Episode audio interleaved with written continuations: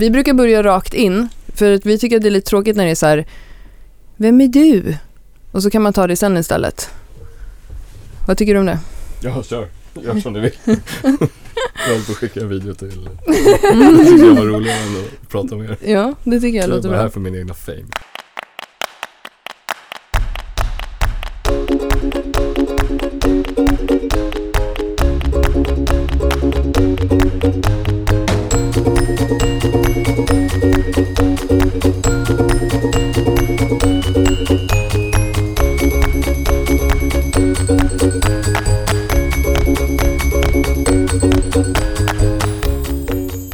Nej men vi har ju fått efterlysningar om att du ska vara med i podden Shai. Ja. Och du har ju även introducerat mig för ett nytt sätt att träna som jag har kommit av mig med lite nu när inte vi har haft våra gemensamma träningsträffar. Men så jag också tycker det är viktigt att ta upp i podden. Mm.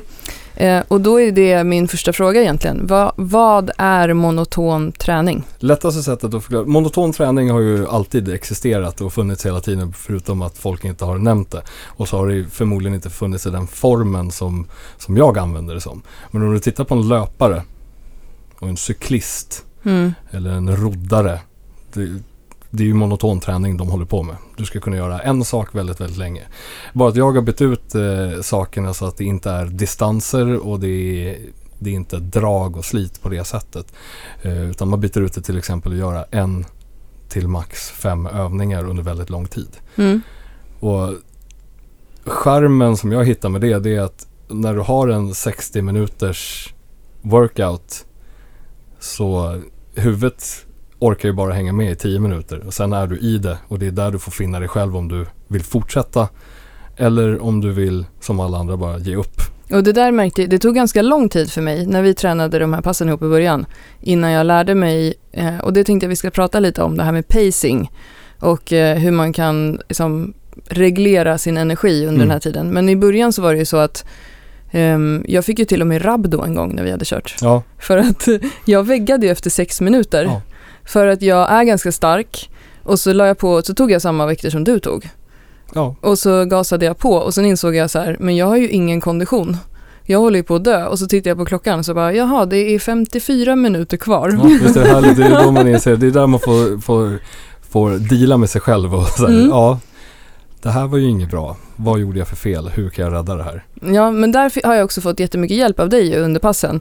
För du som coach är ju väldigt positiv på det sättet och bara är så här, men ta en lättare hantel då. Mm. Och så här, vila lite mera. Och just att känna att, istället känna att sista varvet på slutet kan jag öka. Istället för att känna att eh, jag kommer aldrig mer att träna. Det har ju gjort att jag kunde hålla i den här träningen förra året Mm. under en längre tid. För att det blev någonting positivt för mig istället.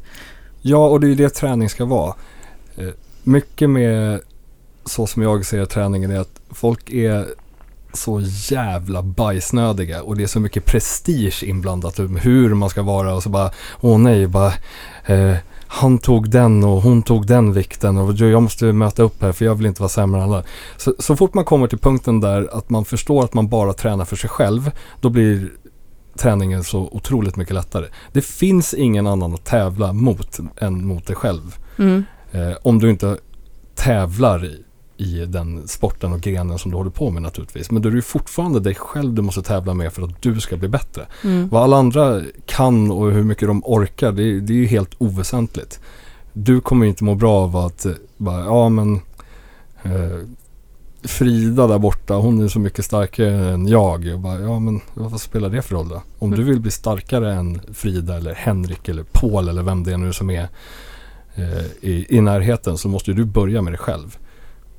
Det är det jag tycker är skönt med de här passen som oftast vi kör också, att man kör i sitt eget tempo. Ja. Vi har de här övningarna, jag har min station och sen bara maler jag på där. Och då blir det också helt ointressant vad de andra gör Exakt. och hur ofta de vilar och hur fort de kör och sådär.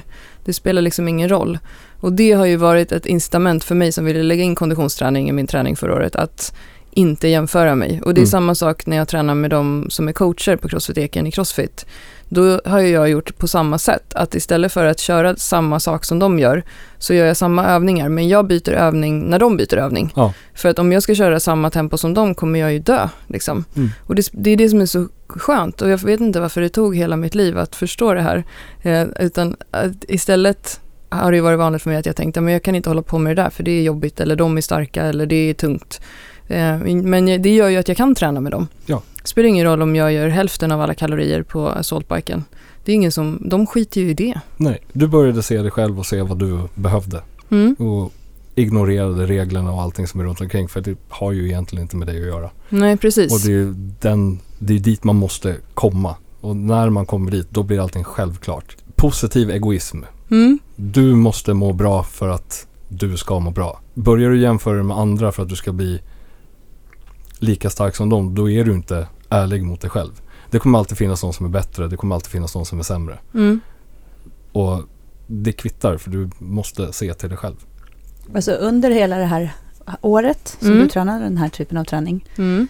Så på alla filmer så är jag i bakgrunden, äter bulle och gör ungefär tre reps på hela det här passet. Så det är ja. lite svårt att relatera till det där. Jag är fortfarande, tror jag, i den här som har lite svårt att släppa. Jag har faktiskt kört pass en gång, har jag Ja. kört med.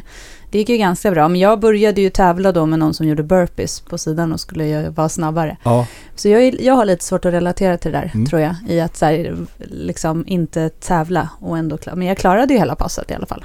Men, det, var ju för att du stoppade mig också lite, för du var så här, nu när du ror, då ska du ro i lugnt tempo och du ska andas lite. Just det, roddmaskinen var vilan i det passet. Ja, ja men jag, och, och hade jag inte fått de påminnelserna så hade jag ju förmodligen stått där och bara, fullspätta rakt in i ingenting. ja.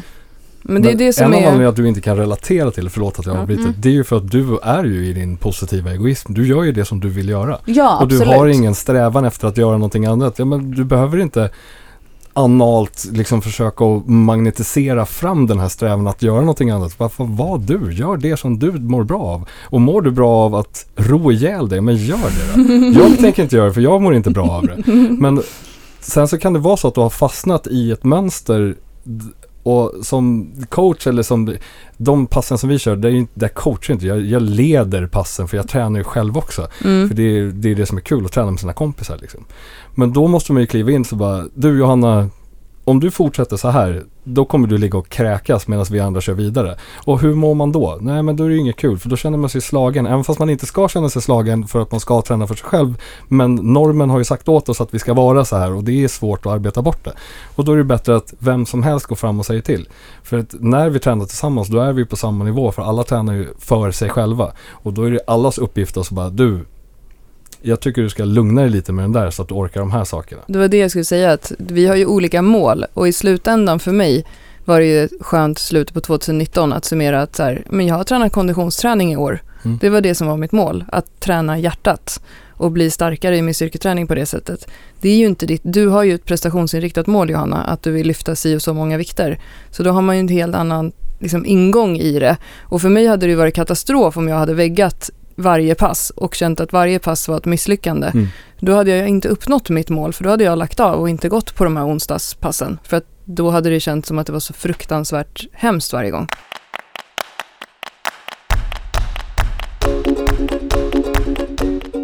Men en, apropå det du sa Johanna, så den första frågan från en lyssnare till dig Shai är från Evelina Wildert. Då kan vi lite sammanfatta det här. Vad är grejen med fruktansvärd träning när den kan lyfta tungt och vila jättelänge? Ja, det har väl med ens egna mål att göra. Jag kan ju bara gå från, alltså, alltså rent subjektivt från mig själv. Det jag är ute efter i träning, det är ju att eh, eh, vara funktionell. Och funktionell, då pratar inte jag om funktionell fitness. Jag vill kunna fungera eh, och adaptera min träning till det verkliga livet. Så det är ju mitt mål, men är, är ens mål att att dra 200 i, i mark, då funkar ju inte den träningen jag håller på med. Det jag vill ha hela tiden, alltså jag använder aldrig dragremmar, bälten eller hjälpmedel. Det enda hjälpmedlet jag använder är talk. Mm. Det är för att om jag kan dra 200 kilo i marklyft bältad med handledslindor och sitta fast i stången. Mm. Det har inte jag någon användning för i en verklig situation om jag måste lyfta bort en bil motsvarande från någon. För det är det jag är ute efter i min träning, att jag ska fungera utanför likadant som jag fungerar inne på, på boxen så att säga. Och om du inte ser ett syfte med fruktansvärd träning eller monoton träning, det här slitet, ja men då är det ju förmodligen ingenting för dig. För alltså, vill du inte det här så ska du ju inte göra det liksom. Eh, däremot så är det tyvärr det enda sättet att förstå monoton träning är ju att testa. Mm. Så att, ja, prova så får du se. Kolla om du tycker att det är kul. Tycker du inte att det är kul, fine.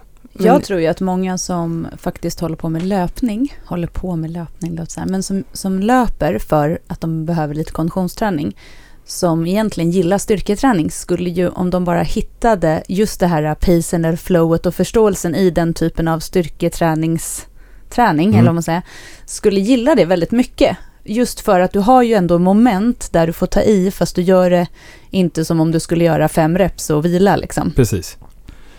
Ja, för man kan ju jämföra löpningen med den här formen av träningen på exakt samma sätt. När du, när du ska ut och springa en mil liksom för träningssyfte så kommer ju de första fem kilometerna inte vara så jobbiga. Utan det, efter de fem kilometerna, det är då träningen börjar. Det är då du måste börja övertala dig själv att fortsätta. Det kommer börja göra ont, det kommer börja sträcka, det kommer spänna olika saker. Man ser en backe, man tycker att ah, det här kommer inte vara kul. Mm. Samma sak gäller ju med den här träningen, det som ni båda pratar om med pacingen. Mm. Du måste pacea.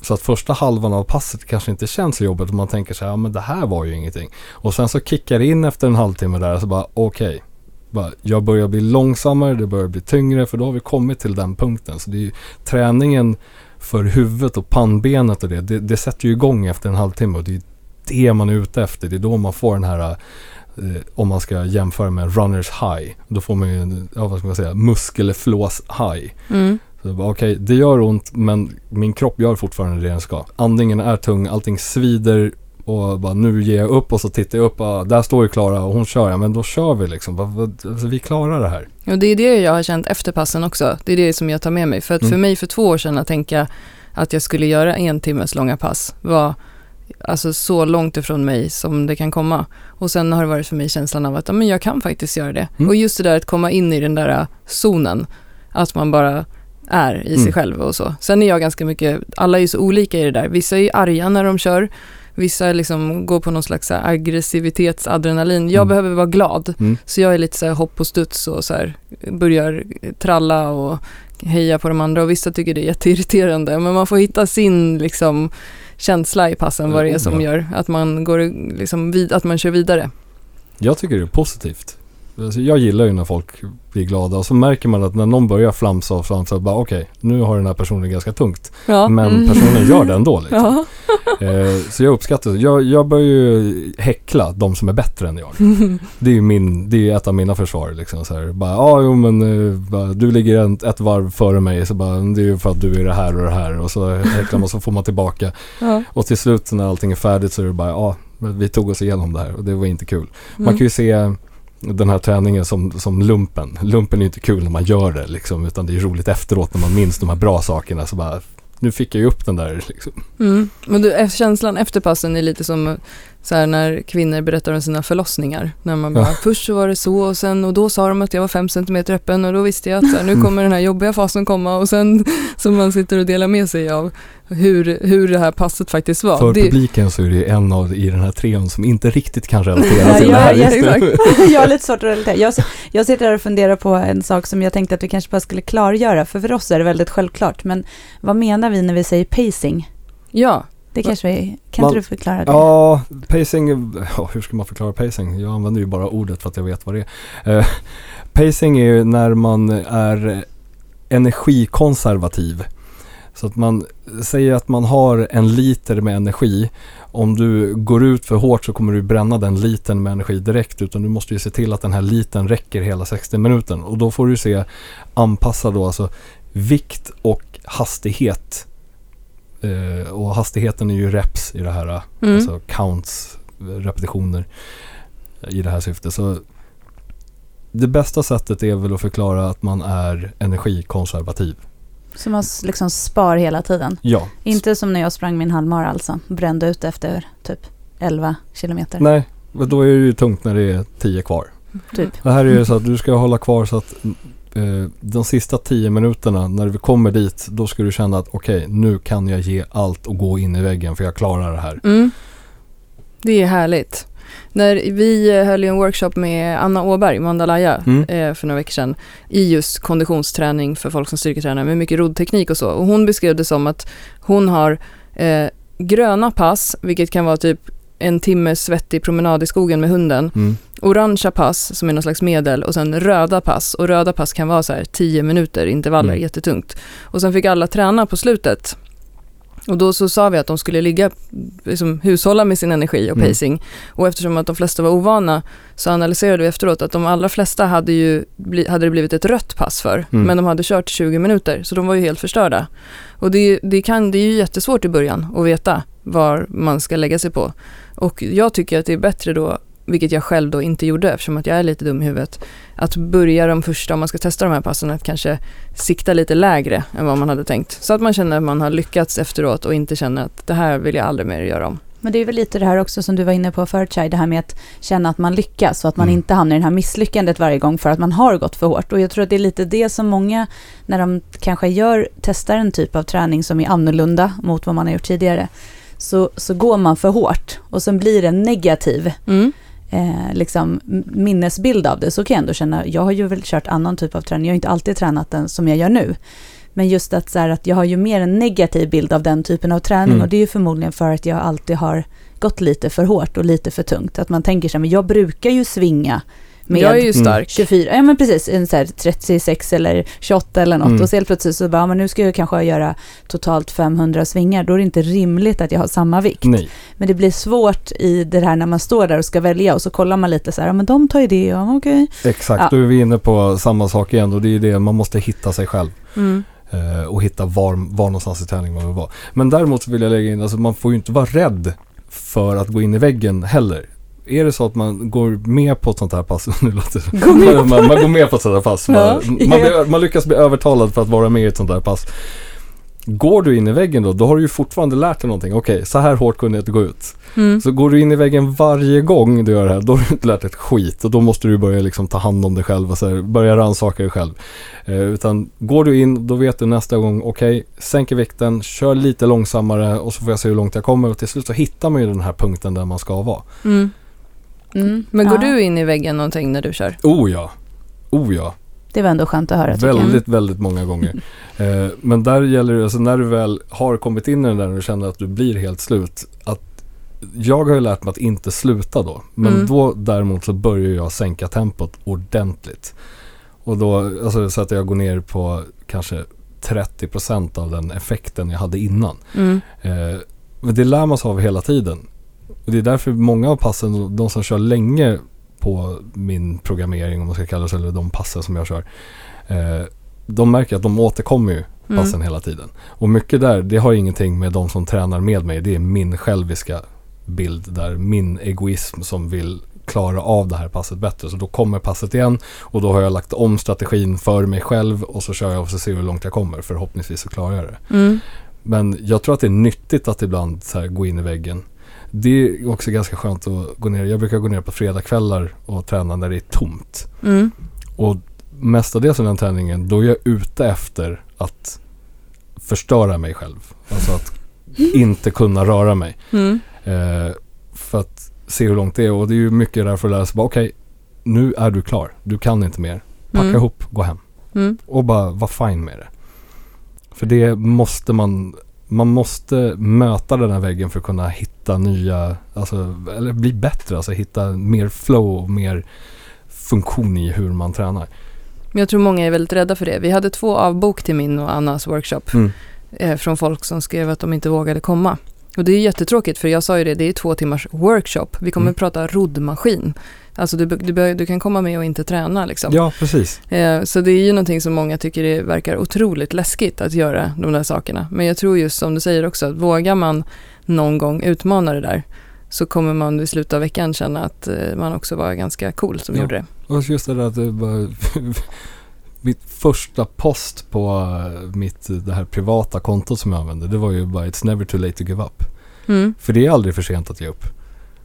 Men du ska ju trycka det där att ge upp så långt som möjligt. Men alltså det är ju alltid alternativet att bara lägga av. Och för att kunna pusha den gränsen så måste du tillåta dig själv att gå in i ett pass som bara, nej nu går det inte. De passen som jag gör sånt, då, då är jag nere på en extremt monoton träning. Då är det en övning. Men jag tänker också att det är skillnad också om jag ser på dig som person nu kanske inte vi känner varandra på alla plan i livet, men jag ser på dig som en väldigt positiv, ja exakt, du är en väldigt positiv person för mig. Men du gillar också dig själv.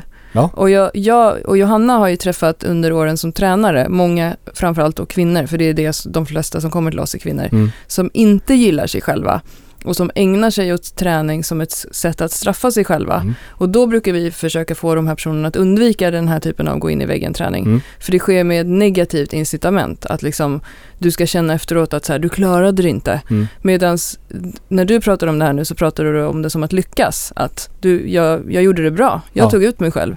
Du går inte hem från ett sånt pass och känner att du slår på dig själv. Nej, nej, nej, oh, nej. Jag är ju, ibland är jag ute efter att bryta ner mig själv. Uh, ibland är jag ute efter att ha ont också. Mm. Men det är, för ibland är det skönt att känna saker. Eh, många får ju en, en bild av mig och det är den bilden som jag tillåter att ni ska få. Eh, sen finns det ju väldigt mycket annat bakom som jag gärna delar med mig av fast på andra plan. Det bör, då måste det vara på i andra situationer. Men på träningen, för där, när jag går ner och tränar, även om jag inte ska träna alla andras pass, jag kan inte gå in och dra ner alla andra för att jag står och skriker och vrålar i ett hörn för att jag är asarg liksom. Mm. För då sabbar jag ju träning för alla andra som är i lokalen också. Uh, då är det ju bättre att bara gå ner och säga så bara, ja men när vi har träffat på varandra, bara, bara hur mår du? Där är jag alltid ärlig. Bara, mm. Det är skit. Mm. Så bara Okay. Skit i mig, jag går och gör mitt så här. Vi säger hej då när vi går. Och så, så nästa gång så kanske du kommer ner och då kanske du får en förklaring om du vill ha det eller inte liksom. Men man måste ju ta, ta det för vad det är. Eh, det här med att bryta ner sig. När ni träffar folk som håller på med träning, där kan inte jag någonting om. För att allting jag gör utgår bara från mig själv. Mm. För att jag vet att jag måste hålla mig positiv för att träningen ska bli kul.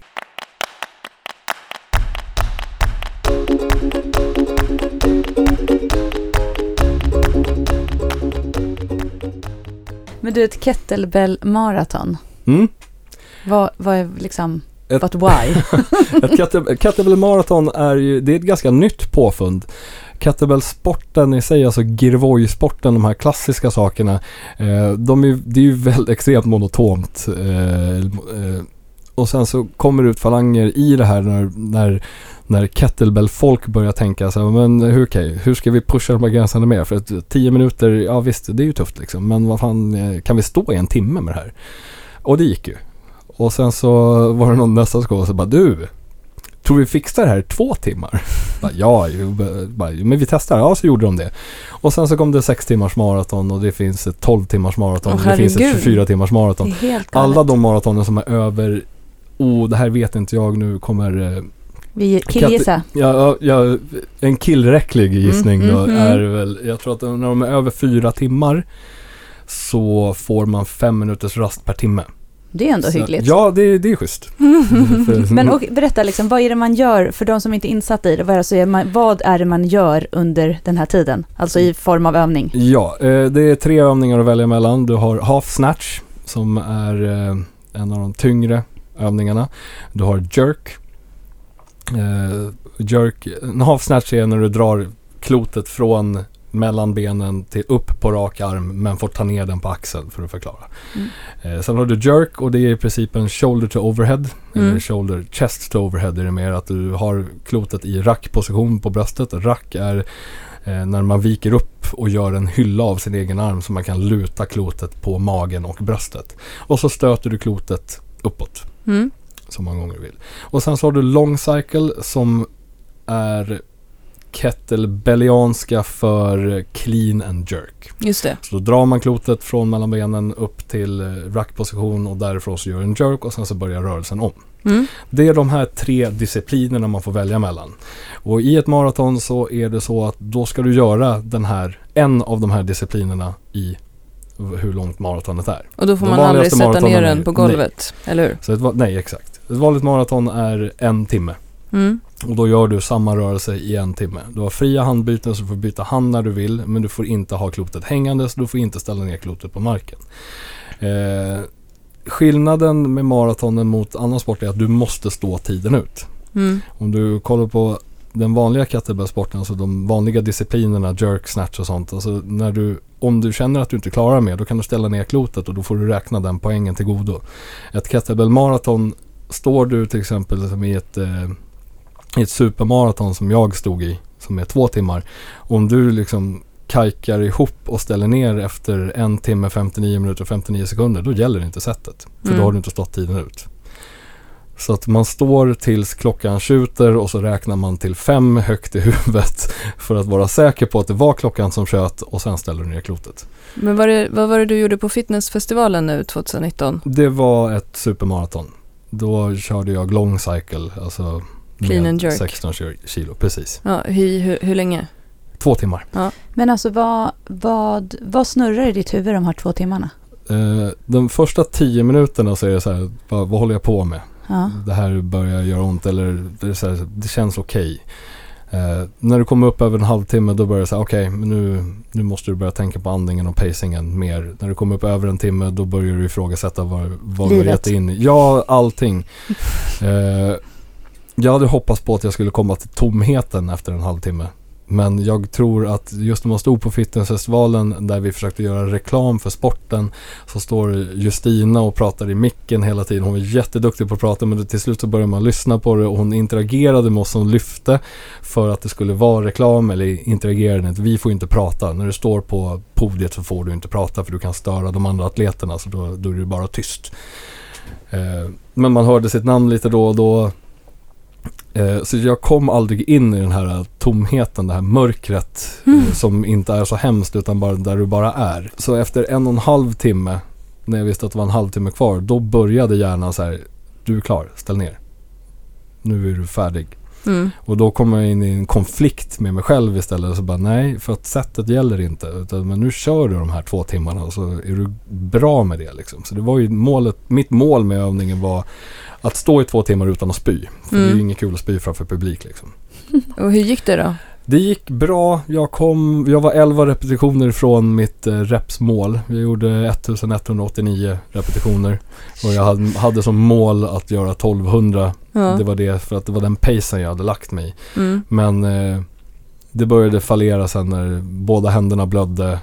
Eh, jag hade skavsår på magen liksom för att man hade dragit, var svettig på ryggen så jag började få skavsår av tröjan på ryggen. Oh, och så står man och känner efter att bara, men nu gör det ju ont här, nu gör det ju ont här, det här ska det inte göra ont, det här har jag inte varit med om förut. Och så, så tänker man, men jag har inte stått i två timmar, det är därför jag inte har varit med om det här. Och till slut 16 kilos klot, det är ju ingenting för, eh, i min Alltså för min erfarenhet så är inte det så särskilt tungt och på slutet, det är det värsta jag hållit på med. Du vet, jag ville bara spotta och kasta iväg det där klotet för allting gjorde ont. Eh, talka händerna liksom när, på slutet när du blöder. Man får en assistent om man vill i Kettlebell-maraton. Då hade vi en från klubben, Christian, som hjälpte mig med det. När jag bara står och säger åt, och säger åt dem att packa in magnesium i såren så att det slutar blöda för att det blir halt när det blöder. Och så man står och håller ut handen och han greppar handen och så bara står han och gnider in det här som om det, alltså det ska bara ner och packa in det så att det slutar blöda liksom. Nej, och så håller det i, i sju repetitioner så bara kommer upp igen och så är det samma sak igen och då står man där och bara, det här är fel. Men alltså kommer du göra det här igen? Ja, naturligtvis. alltså för att, för att du älskar dig själv? Nej, men ibland, alltså, i, alla människor upplever att man kommer på mörka platser. Jag är på i, i, i ambivalent stadie i mig själv att jag halkar ner på en mörk plats lite då och då. Eh, som min eh, situation ser ut just nu. Och då är det ganska skönt att bara få känna någonting och inte bry sig om någonting annat. För du kan ju stänga av allt annat. Och du är ju, det här låter jättekonstigt, men alltså du är ju ett med smärtan till slut. Alltså, du, är så här, för du behöver inte tänka på någonting annat. Du tänker ju bara på att packa in grejer i såren så att det inte blöder liksom. Skiter i att det gör ont liksom. Ja. Eh, och det handlar inte om att hata sig själv utan det är mer att lära sig att älska att klara av saker. Mm. Eh, I min värld. Så att nästa år, nästa år så blir det väl samma sak igen. Då är det två timmar och jag kommer ta samma disciplin men då ska jag klara de där 1200 och så får vi se hur det går. Mm. Och förhoppningsvis så fyller jag väl öronen med vadd liksom så att man kommer in i det här så man får komma till sig själv. Mm. Det mörka rummet. Det mörka rummet. Jag provade att stå och blunda ett tag. Men det gick inte heller för att eh, min balans Nej. var helt urslagen efter, efter en timme. Mm. Så då började jag bara svaja och kliva fram och tillbaka. Och återigen, man vill inte säcka ihop framför folk. Liksom. Men vad var det första du gjorde efter ditt maraton? Eh, jag satte mig på huk och sen så kramade jag de två fantastiska damerna som stod bredvid mig. Eh, som är magiska kettlebell-atleter. Mm. Eh, Anna-Karin som stod till höger om mig, det var hon som var mitt driv under hela. För att hon peppade innan och när domarna inte såg så peppade hon under tiden också. För återigen, man får inte prata liksom. Mm. Så det var mest det så här att när vi var klara och ställt ner båda två, då var det så här, jag vände mig om och så bara, vad fan, vi gjorde det, vi klarade det liksom. Mm. Och hon tog världsrekord. Coolt. Mm. Vad häftigt. Som vanligt. Coolt. Hon har väl Kvinna. eller någonting. Ja. Kvinna. Men är det här en sport som kvinnor är bra på? För jag tänker på eh, ultramaraton är mm. en sån sport som man brukar säga nu eh, säger jag också säkert något fel som de blir upprörda över, men vad jag har hört så är det en av de få sporter där kvinnor är inom citationstecken då, bättre än män. Mm. Eh, och vissa menar att det är för att kvinnor har en högre fettmassa i kroppen och då kan ha energi under en längre tid. Medan andra menar att det är just det här att vi kan föda barn i 24 timmar också. Att vi liksom bara maler på. Det, finns det liknande inom kettlebellsporten? Kan man se att kvinnor är, är bra på den också? eh, kvinnor utklassar män mm. i kettlebellsport. I vad jag har sett. Nu pratar jag från vad jag ser och mm. hör. Jag har ingen statistik på någonting. Men om man bara kollar på Sverige, de kvinn kvinnliga atleterna vi har här i Sverige är magiska. Jag, jag fattar inte hur de gör. Eh, Elin Andersson var en som lyfte samma disciplin som jag.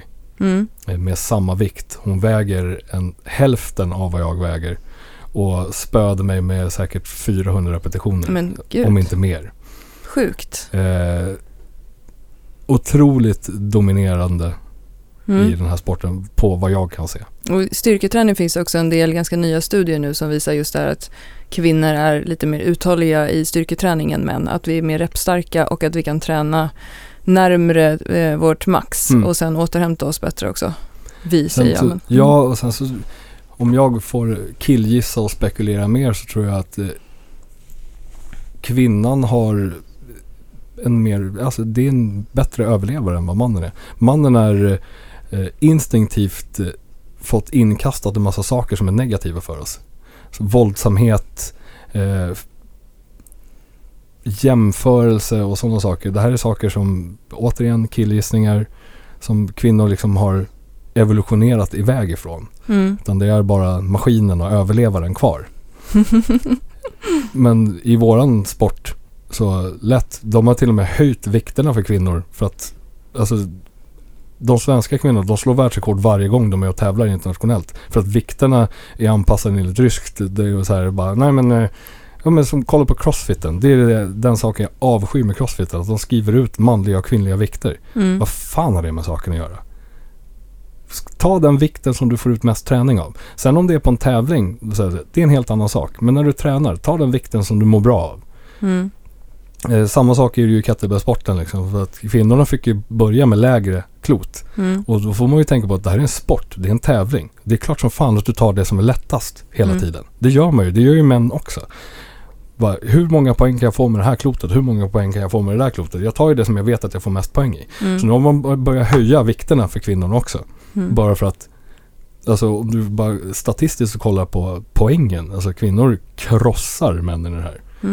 Ja, det är spännande. Mm. Det är roligt att, att jämföra. Jag håller ja. med om det där med crossfiten. Det är det som är som, som för då personer som jag och Johanna som tränar mycket styrkelyftsinspirerat, eh, pratar jag om min egen del, du tränar styrkelyft Johanna, så är ju alltid styrkedelen i crossfiten är lätt. Mm. Um, och då är den ju inte anpassad. Könsbaserat blir det ju rätt ointressant. Medan då för oss är det konditionsdelen som blir utmaningen att, att mixa det med. Men just också att det kan vara så förvirrande för folk som går på pass och inte um, just de där rekommenderade vikterna är, är ju på individnivå helt ointressanta. Mm. Det här är RX. Jag kan ju tycka att det borde vara mer så här nybörjare kan testa det här oavsett uh, vem du är och mm. vad du har mellan benen. Ja, kolla bara de flesta crossfit-programmeringen när roddmaskiner kommer för ro för kalorier. Mm. Ja, män ska ro 21 kalorier, kvinnor 17. Mm. Varför i helvete då? Alltså maskinen är en maskin. Det, det är någonting, det är, en, det är en digital sak som du lurar. Det är därför ro för kalorier det all som har, alla som har någon form av erfarenhet av en Concept 2-maskin, mm. de vet ju bara ner på ett och dra jättelångsamt. För då får du en kalori per, per drag. Mm. För att då du lurar maskinen. Eh, jag ser inte varför det ska vara lägre för de olika könen. Så alla män som tycker att det ska vara så här, ja sätt dig bredvid Anna Åberg då. Mm. då ska du se vem som, vem som vinner. För det är inte du. Nej. Och då Precis. kan du vara hur tuff du vill och du kan ta av dig tröjan innan uppvärmningen och flexa dina patetiska jävla magrutor liksom. Du kommer få stryk. Ja. Så enkelt är det. För det handlar om att lära sig maskinen och det handlar om att lära sig sin egen kropp. Mm. Om man jämför med min partner till exempel som är längre än jag. Ja, långa lemmar, långa, alltså långa lemmar. Jag är kort. Jag är en tunna med korta ben och korta armar på liksom. Det hon drar ut ur maskinen, hon drar ju bara ett fulldrag så drar ju hon minst en halv meter längre än vad jag gör. Mm. Varför ska hon ha lägre mm. kaloriantal?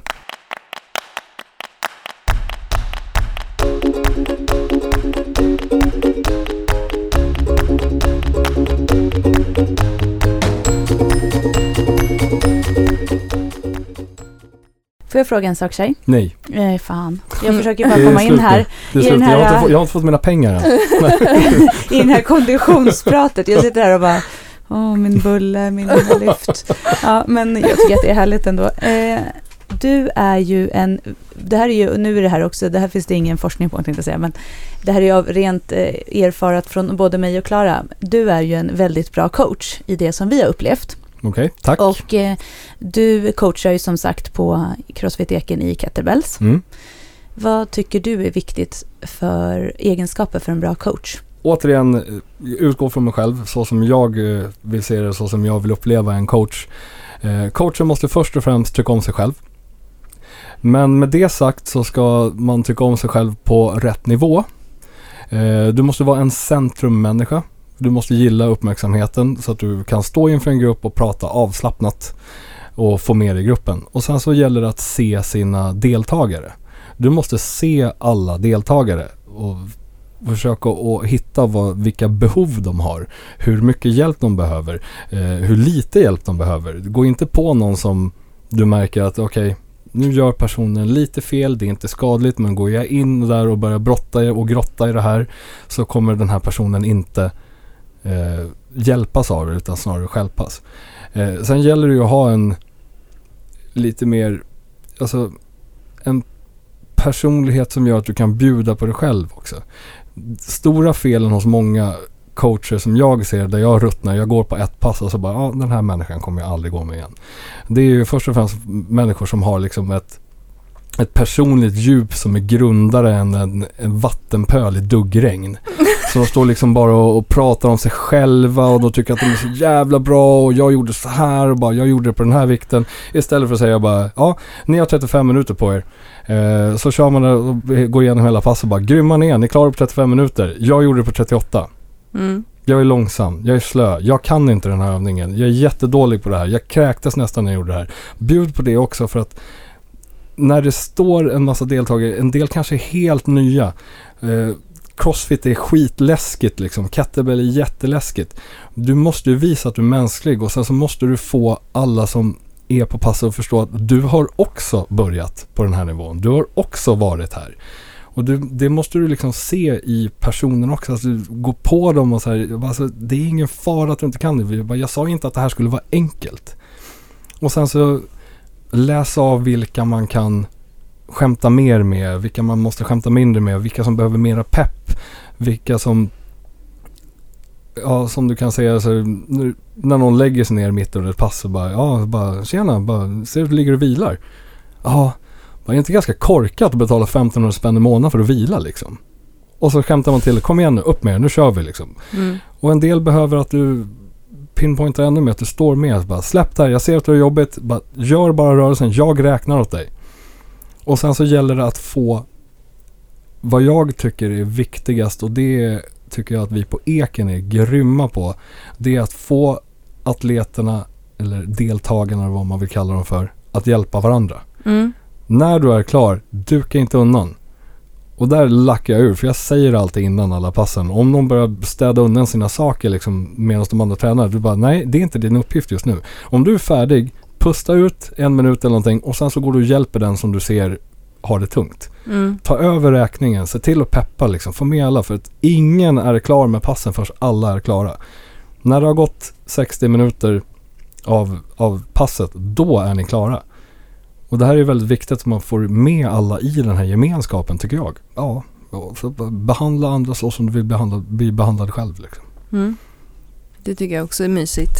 Mm. Jag kan verkligen hålla med om det där. Just det ser man ju i på många pass just att så här, när man är klar så står man runt om så någon mm. som är kvar och klar, äh, inte är klar och typ peppar om det är skrik eller bara står där och liksom Precis. typ man kan se att någon drar ett streck för något varv eller mm. liksom det är ju och det tycker jag ju och nu har ju jag egentligen bara sett den delen som är på Eken eftersom det är där jag har hängt mm. i box men det tycker jag är väldigt, den väldigt härliga delen med Crossfit, just den här sammanhållningen. Precis, det blir en gemenskap av det och alla pushar varandra. Mm. Grymt. Eh, jag tycker vi ska gå in på lite lyssnarfrågor och det är gällande jag tycker det är väldigt roligt när du rantar om saker på Instagram, Shai. Uh, och ofta så är det så att du har varit i någon situation och så har du kommit tänka på någonting och så skriver du av dig lite i något inlägg. Yes. Och de tycker jag är väldigt uppskattade. Uh, några favoriter som jag har valt ut till exempel när du rantade om clean eating. Uh, då skrev du att clean eating är att äta med kniv och gaffel. Ja, att det är clean eating, det är det mest patetiska uttrycket som existerar. För det används som ett vapen mot att jag tycker att jag är bättre. Så då klankar jag ner på ditt sätt att äta för att du är sämre. Utan att överväga om att bara varför äter den här personen, varför tränar den här personen. Alltså alla har inte ditt mål, så enkelt är det.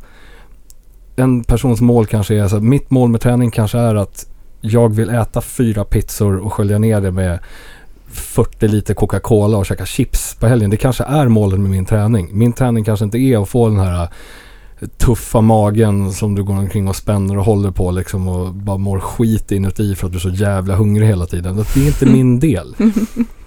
ja, ett annat inlägg som jag också gillar var när du skrev så här lite om att eh, du får väl äta vad du vill eh, men och jag äter vad jag vill men jag tränar också för utseendet, skrev mm. du. Och det är helt okej okay att vara fåfäng, skrev ja, du. Ja, det är klart. Det gör jag också. Ja, alltså snygg naken är ju en av delen. Sen så är det här äh, Helt plötsligt när man säger sådana här saker, särskilt online, det är därför jag tycker sociala medier är fantastiska, för då kan jag reta så många som möjligt med mina tankar.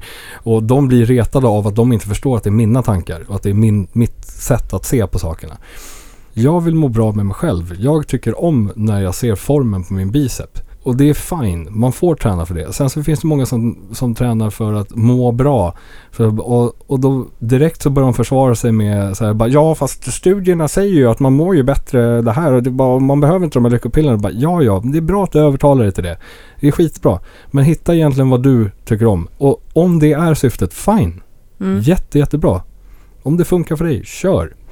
Men släpp inte då att det finns människor som jag till exempel för att, som tränar för att bli snyggare. Jag tränar även för att synas. Fan, jag är supernarcissist. Jag tycker om att synas. Eh, jag tycker om att dela med mig av det jag vill dela med mig av.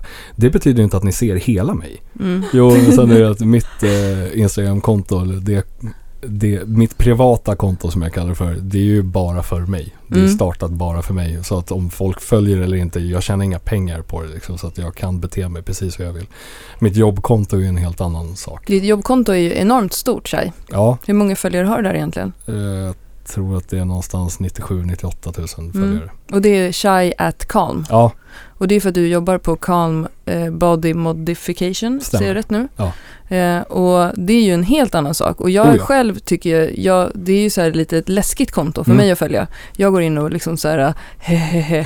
Jag brukar också, jag kollar ibland på Sitter i mörkret under täcket och ja, tittar på konstiga saker. Det finns ju sådana konton som Medshots och sånt som lägger ut. Häromdagen såg jag en eh, sån här näbbfisk som hade råkat flyga genom halsen ja. på en tonåring. Såg du den också? Ja, ja. Eh, det är lite så för mig när jag kollar på ditt jobbkonto. För då ja. ser man ju, det, man kan se någon som, man kan, alltså typ det minst eh, liksom, spektakulära är väl att någon får en, en piercing i örat. Liksom. Ja. Men man kan också se någon som får en kluven tunga mm. eh, och sådana grejer. Och då måste jag alltid ta, ta på mig liksom en viss sorts glasögon när jag kollar in där. Är det som buttcracken på en byggjobbare? Du vill inte titta men du kommer göra det när du går förbi. Ja, så bara, åh äckligt! Det är så och jag ja. tänker alltid så här, så här också, så här, åh nej nu kommer det här komma i min algoritm tänker jag. Men sen har jag insett också, jag tror att algoritmen jobbar emot dig och sådana konton. Oh ja. För det, kommer aldrig upp i min Nej, algoritm. det gör det inte. Det, det, jag har ju varit shadowbannad så många gånger på det där kontot.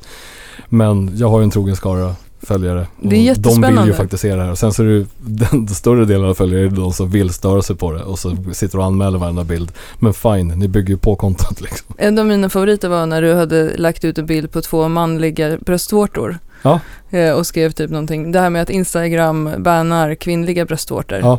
Och så skrev du typ så här, här är två manliga bröstvårtor. Så här, Och så ligger burk. de i en stålskål Ja. För det är free the nipple på en väldigt, väldigt hög nivå. Ja, jag älskar det. Jag kan, har faktiskt också kollat på det. det är sånt där klarar jag. Jag, kan fascin, jag fascineras nog snarare av det. det Mm. Du står ju bara på ord som cockwaffle. Ja, men, ja, men för det blir så här, det, jag har så svårt att ta på det. Jag har så svårt att relatera till en våfflad kuk. Ja. Men, eh, så här, jag, för att det jag fascineras av där, det är ju ehm, liksom det konstnärliga i det här på något Mm. sätt. Mm. Det kan jag verkligen göra. Eh, så det, där har jag inte, där liksom, det har jag verkligen tycker jag inte alls är något problematik för, i min egna så här, utan det tycker jag bara är så här fascinerande. Och eh, för att det är ett väldigt proffsigt jobb också. Eh, Tack. Min favorit i den här podden är när vi sponsras av eh, sexleksaker Mm. och så, så ska vi recensera dem och så ställer jag frå- följdfrågor till Johanna och så måste hon svara på dem och så blir hon helt svettig. Ja, men nu kan vi inte vara, nu har vi pratat träning idag, kan vi inte, det är ju jättebra. Jag tycker att det har varit ett väldigt trevligt samtal. Jag tycker Ja. faktiskt att kan man, jag, kan, jag får aldrig känna så här att man har liksom ett helt samtal där det liksom är utanför de här bitarna, utan det ska alltid komma in könsrelaterat. det När känns- Klara är med. Och speciellt, nu blev det liksom så här, ni två skulle ju, kan ju sitta i en mörk källare och dricka ett tungt rödvin och prata om kackvaffel eller vad fan. Jag är på. I flanellskjorta också och vara osvenniga. Ja. men det är ändå underbart. Men alltså man, jag, jag älskar er. Jag tycker att det är, ni är fantastiska människor. Kan bara få vara olika. Vi kan bjuda in någon som gillar eh, Svenne tacos Ja. och eh, svenska favoriter Ja. podden någon gång Johanna. Så Ja. kan, ni, kan du få prata av dig. Tack, skönt.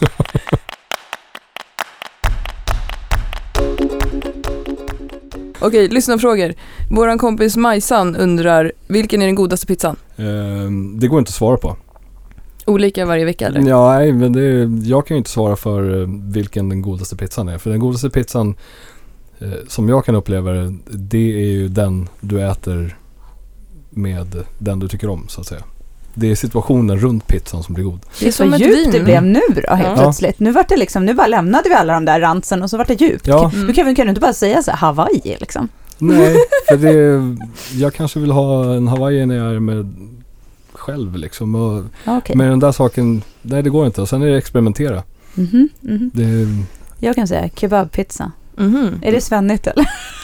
Det är något så faktiskt djävulskt. det är den vanligaste pizzan den första januari varje Ja, år jag säger vet. jag som har jobbat med den svenska pizzarapporten. Jo, men jag bara menar att liksom, man kan ju... Ja. Men du har ju, du har ju två bakfyllerätter ihopslagna igen. Det är ju Ja. fantastiskt. Har du även pommes på den då Johanna? Nej! Isbergssallad, tomat, kebab. Mhm. Pommes bredvid. Nej! Nej okej, nu går jag. Okej. Tack för mig. Fan vad ni ska hålla på och lägga till liksom. Kan man inte bara få vara liksom? Jag gillar clean eating. det är, så, är det kanelbulle, då vill jag ha kanelbulle. Inget Det- jox. Nej, exakt. Clean Okej. eating. Ja, Ehm, Fast kanelbulle med räkost på är ju Mm. fantastiskt. oh, inte Testa. bra. jag Testa. testar faktiskt bulle med bulle. det är- Bulle i bulle. Bulle med bulle, en just det, det chokladboll i en Helsingborgs fralla. grej. Mm, ja. Vad tyckte du om det då? Nej men alltså det, om man mikrar den lite också. Nej smakar- men fy.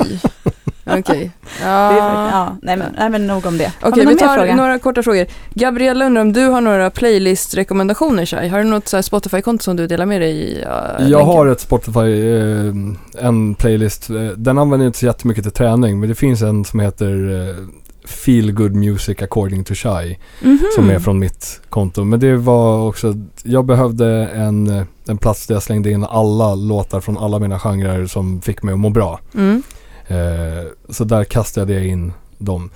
Jag väljer musik efter eh, humör. Tränar jag i grupp med andra så kanske är det för det mesta lite gladare musik. Vi brukar eller- köra så här 80-tals 80-tals Cyndi Lauper och sånt brukar vi är ha på fantastiskt passen. för att det är svårt att se hård ut till eh, Girls Just Want to Have Fun. Liksom. Mm. Då kan du ju lyfta hur tungt du vill, du kommer inte se tuff ut ändå. Liksom. Eh, tränar jag själv så kan jag sätta på väldigt mycket, mycket, mycket hårdare musik. Eller eh, ibland så gillar jag att lyssna på musik som jag inte förstår. Alltså till exempel fransk hiphop är någonting som jag är inne på nu. Jag förstår inte ett ord på franska men det är helt fantastiskt bra att träna till. Liksom. Mm. Eh, långa set eh, med kettlebell så lyssnar jag mycket på opera, gärna italienskt eller tyskt som jag inte heller förstår. Liksom, för att då behöver du inte koncentrera dig på musiken utan du kan bara ha någonting i bakgrunden. Gå in i tomheten. Yes. Det, det där är lite, det där är ju, har jag lärt mig av Crossfit-gänget också på Eken, de som kör liksom passen. Mm. Att det får liksom inte vara sång. Alltså för mig är ju musik sång. Mm. Att man liksom, någon sjunger någonting. Ja. Helst som man förstår, det gillar jag, men Mm. man får gilla olika. Men, men där är det ju bara ett endaste så här ljud. Mm. Musik bara, utan känslor brukar Ja. de säga. Mm. Ja. muller. och det är lite det Tågmusiken. man är ute efter. Man vill inte börja tänka eller sjunga liksom. Nej. För jag gillar ju så här när man kan gå runt och så nynna lite på musiken. Jo men det är ju för att du gör ju dina tre lyft och sen Mm, så saftar ju du omkring i 30 minuter med en bulle i handen. Mm. Men vi brukar ändå kunna samspela musik fast Ja, jag oh ja. lyfter. Men du, du, har ändå, du, kan ju vara, du är ju flexibel också. Du säger ju bara så här, jag behöver inte ha musik, men om, ni, om jag inte har någon musik, då får ni stå ut med att höra mina andetag. Mm. Jo men Typ lite så. så. Ja, för det mesta så, när man delar på ett utrymme så där. Jag är nöjd så länge det är någonting som låter i bakgrunden. Så att precis, man slipper höra sina an- egna andetag. Och Det värsta är någon gång när jag tränat när jag hörde min egen puls. Åh, det då, är här, jobbigt. då var det för tyst. Liksom. Mm, löp, det är löprelaterat för mig. Mm. Springa ensam, hörlurar och sen helt plötsligt kommer det där pulsen i öronen. Mm. Inte bra. Den vill man gärna undvika. Vi hinner bara med en lyssnarfråga Mm. till nu. De, de alla är så bra. Men då tänkte jag från Vobbe. Varma hälsningar till Shai, min gruppchef på KS14. Mm. Inspiration då och inspirerande nu. Ehm, har äntligen plats hemma för kettlebells, underlättande att flytta från lägenhet. Vad är ett rimligt val av antal och vikter att börja med och har du något bra förslag på kunskapskällor? Har tyvärr ingen klubb i närheten och har i huvudsak svingat som komplement till skivstångsträningen men skulle vilja bredda kettlebellsträningen lite. Mm. Eh, teknik är ju svårt. Det finns ju YouTube-kanaler där man kan kolla. Eh, jag svarar till Henrik då som den här personen heter.